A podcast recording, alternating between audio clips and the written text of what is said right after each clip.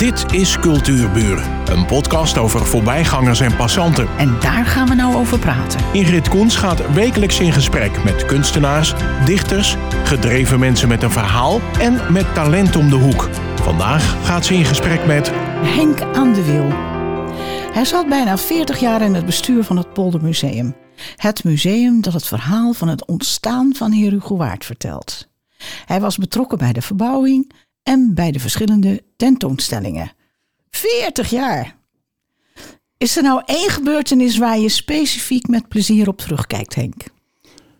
Uh, ja, zeker. Dat uh, is altijd. Dan moet ik even uh, snel denken. We hebben een hele mooie tentoonstelling gehad van de familie van Loon uit Amsterdam.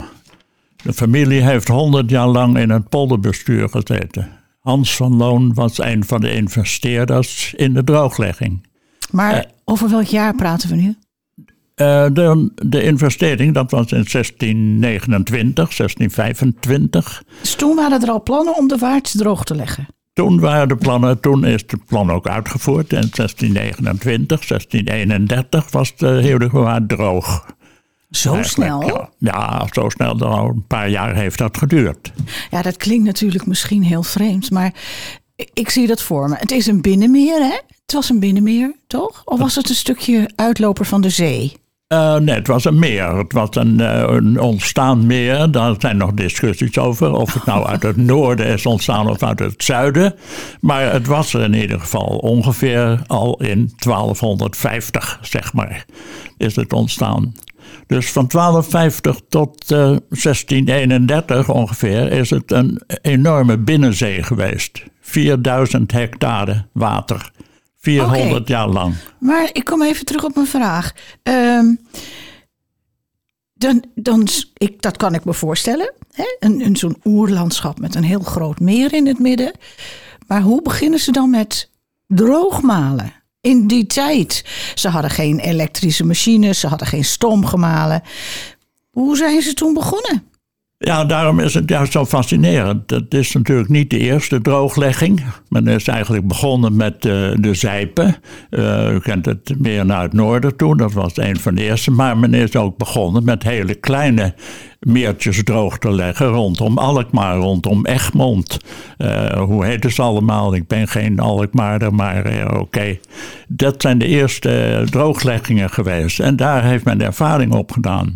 Dus men had de, de techniek van de windmolen, van de poldermolen, had men onder de knie.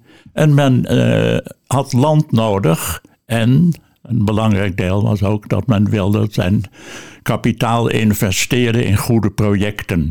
Hè, om een mooi rendement op te halen. Oh, maar hoe gaat het? Hè? Pardon? Dat willen ze nu nog. Ja, er is, uh, weinig, er is weinig veranderd hoor. Ik, ik kan u daar uh, boekdelen over, over vertellen van uh, hoe het uh, toen de tijd ook ging. En dat is van alle tijden, denk ik. Dat zit er Maar goed, de, hoe, hoe begonnen ze toen? Nou, ze begonnen natuurlijk met het graven van een, een ringvaart en een dijk om het meer. Dat, dijk, dat snap ik. De dijk. Een dijk, en ja. aan de andere kant van de dijk de ringvaart. Ja, en maar die dan was er niet meteen, toch? Wat zegt u? Die, die was er toch niet meteen? Nee, die was er niet meteen. Dat, eh, dat waren de aannemers die dat, eh, die dat. En de investeerders die hadden zich eh, verenigd in een soort compagnie. In een soort bouw, hoe noem je dat tegenwoordig? Ehm, waar, waar zij alles regelden. en toen zijn ze die molens En neergezet. toen zijn ze, hebben ze begonnen met de molens op de dijk te zetten, uiteraard. Oh ja. Ja. En ehm, dan begin je daar droog te malen. En langzamerhand zakt dat water in de polder ook. En de- als het eenmaal. Het blijft natuurlijk een modderpoel. Nog, eh, nog een jaar, nog twee jaar misschien wel. En dan moet je ook dus de molens binnen in de polder gaan neerzetten. Op de droge plekken die droog vallen. Oh ja. En dan moet je sloten gaan graven. Je moet de waterwegen aan gaan leggen. Eh, je moet zorgen dat het water. En dat is eh, zelfs voor Heerdegewaard heel eh, apart. De bodem van dat meer ligt schuin. Dus als je in ah, Heerdegewaard Noord bent, dan zit je ongeveer 2,5 meter onder NAP, hè? Nieuw Amsterdam Spijl. En in het zuiden waar het Poldermuseum staat, zit je ongeveer op 4 meter, 3,90 meter onder NAP. Dat is lastig malen. Nou, dat is, eh, heeft een voordeel, want al het water Ja, stroomt naar beneden. kant, ja. ja. De dijkgraaf zei vroeger: er zijn twee dingen zeker in het leven. Ten eerste dat je doodgaat. En ten, derde, en ten tweede dat water altijd van boven naar beneden stroomt. ja. Dus dat is het voordeel. Er is maar één uitslaand, uitslaand eh, gemaal. Al het water komt naar het poldermuseum, zou ik haast zeggen. Net Dat zoals is- de een- bezoekers. ja, dat is een heel mooi... eh, Bezoekers mooi, eh, moeten ook voorbeeld. allemaal naar het poldermuseum komen. Ja. ja, dat zei je net voor de uitzending even tegen mij, hè? Daar heb jij een filosofie over. Ja, nou ja, kijk, ik ben er zo lang aan betrokken geweest. En we hebben allerlei periodes meegemaakt. We hebben scholen gehad, we hebben groepen gehad. En altijd was het zo mijn idee van... eh, alle kinderen, alle scholen moeten in ieder geval één keer in het Poldermuseum geweest. zijn. je moet weten dat je op de bodem van een meer woont. Ja, wie denkt daaraan? Niemand. Maar er moet altijd gepompt worden, gemalen worden. Ook de vraag, waar komt het woord malen vandaan? Waarom noemen we het een poldergemaal? Dat komt nog van de oude korenmolens die het koren maalden. En, En en- uiteindelijk zijn de korenmolens omgebouwd tot eh, poldermolens. Die Ja. konden ook het water vermalen. hoeveel, hoeveel molens stonden daar nou zo'n beetje? Weten we dat nog? Eh, hoeveel? Ja?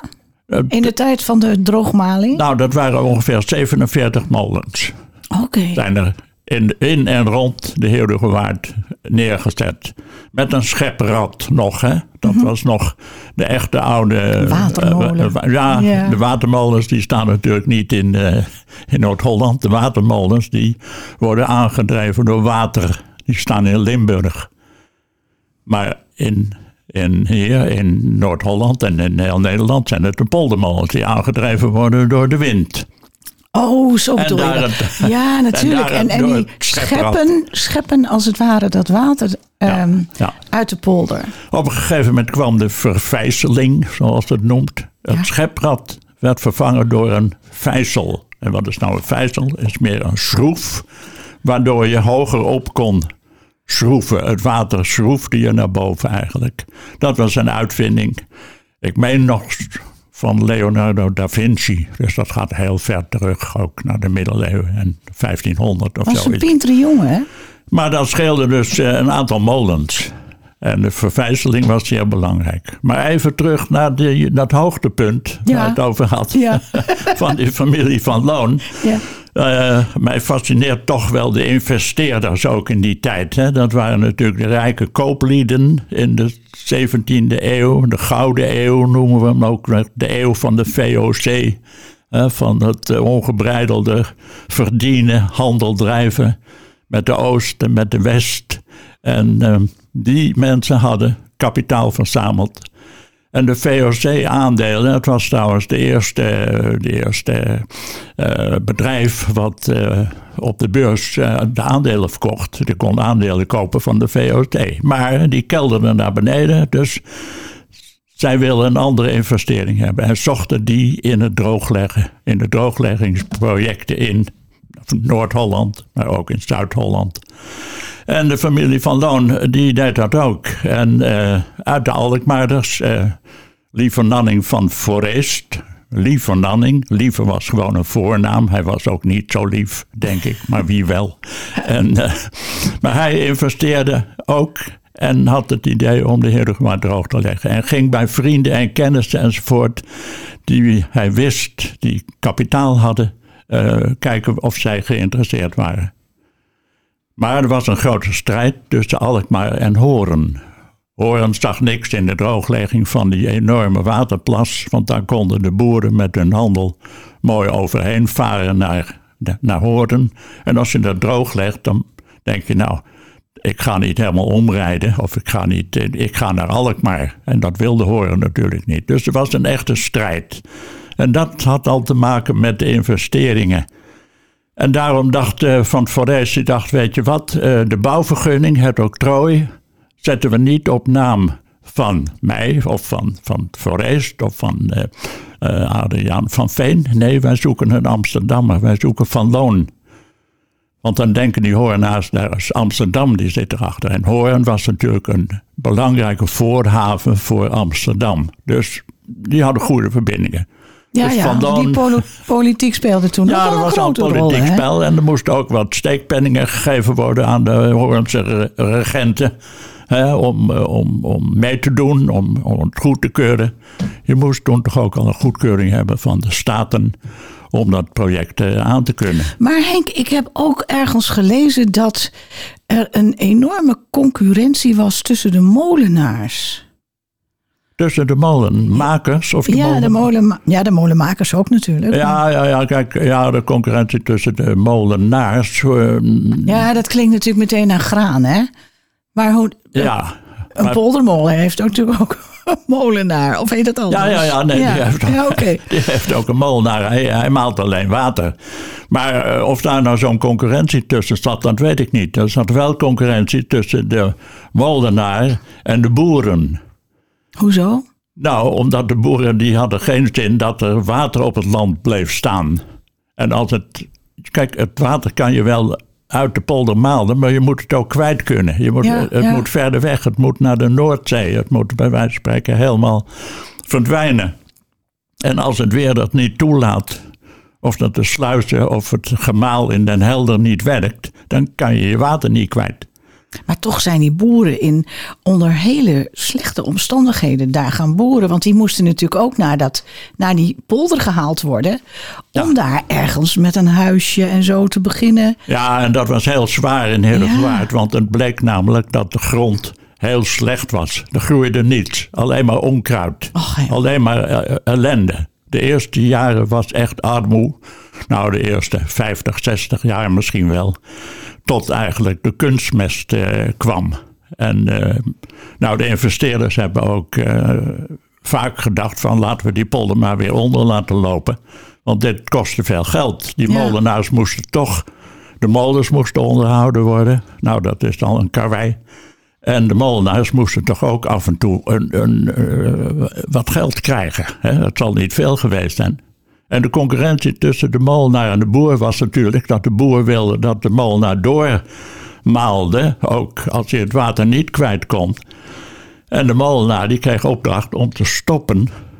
Daar hadden ze speciale seinvlaggen of lampen voor, eh, lichten voor om te laten horen van je moet nu stoppen, want ik kan mijn water niet meer kwijt. Nee, je kan dus me dat was eigenlijk de, de, Ja, het moest ergens het heen. dilemma. En dan kreeg je eh, een dubbeltje van de boeren en een, en een dubbeltje daarvan. En eh, ja, nou, Het is een harde tijd geweest. ja, dat was eh, zeker. ja, zeker. ja.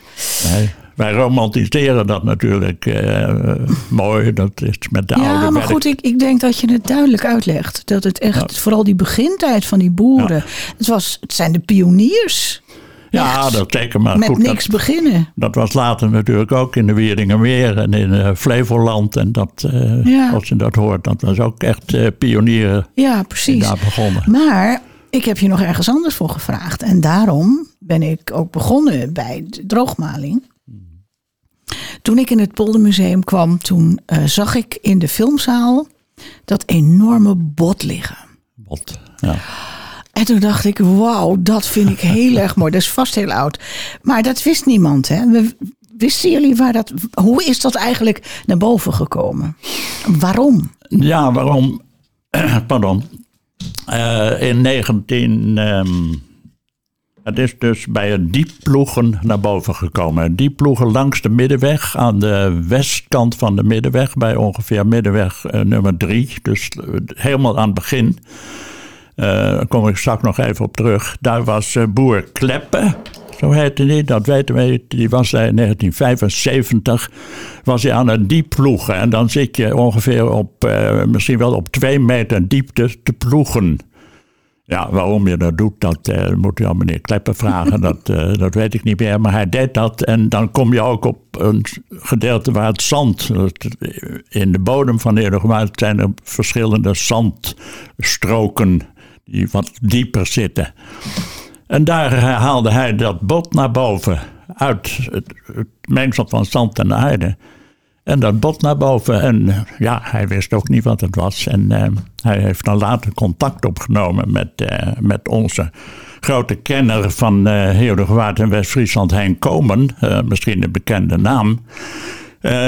En die is dat verder uit gaan zoeken en heeft gevraagd. En toen is men erachter gekomen dat het waarschijnlijk een kaak van een walvis zou zijn. Een kaak? Een kaak. Wow. Een van de kaken.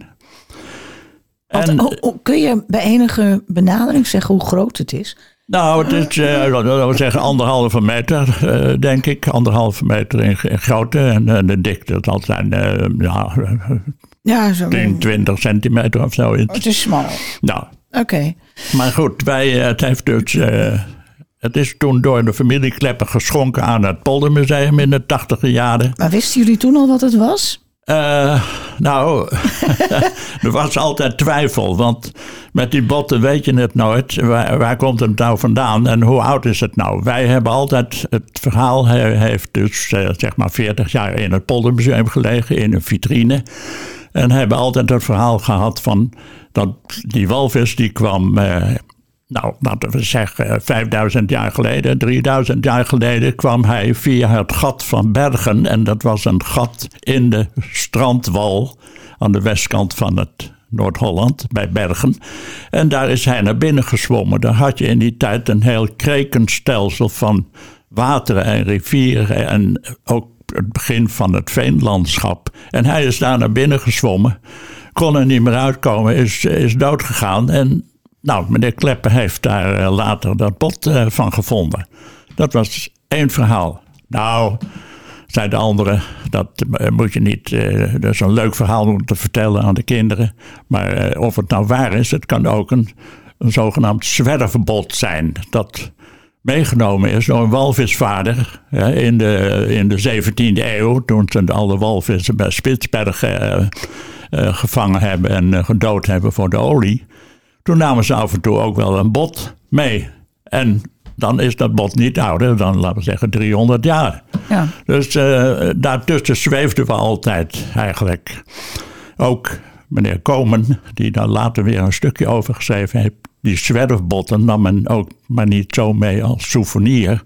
Want dan kon je weer bepaalde olie uitwinnen. Die heel kreekolie noemde hij dat. En dat is heel dunne olie goed voor instrumenten. Dus het had ook zijn waarde als zwerfbot. Maar die liggen waarschijnlijk niet zo diep. En die werden vaak bij boerderijen ook gebruikt als eh, ja, voor de schapen of voor de koeien om aan te schuren en, enzovoort. Ja. Dus er zijn er nog meer. Ja, er zijn zwerfbotten zijn er ook. Maar het gaat erom, is het een zwerfbot of is het een historisch 5000 jaar oud bot? Nou, toen kreeg ik contact met een... Uh, student in Groningen, universiteit, eh, die walvisdeskundige was. Hebben het verhaal verteld, die heb een foto opgestuurd. Hij werd zeer geïnteresseerd. We hebben een monstertje, ik zal het verhaal kort maken. Nee, nee, nee, vertel maar.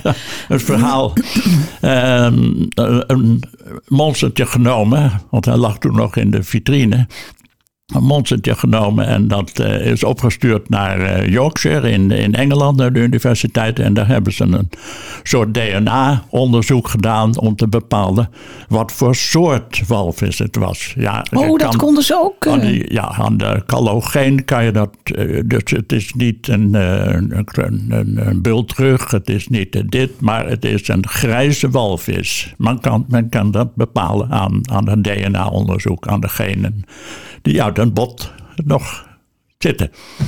Nou, dat was één ding. Dus het was een grijze walvis. Maar toen ging mijn, uh, mijn uh, contactstudent, die promoveerde nou, notabene op uh, walvissen.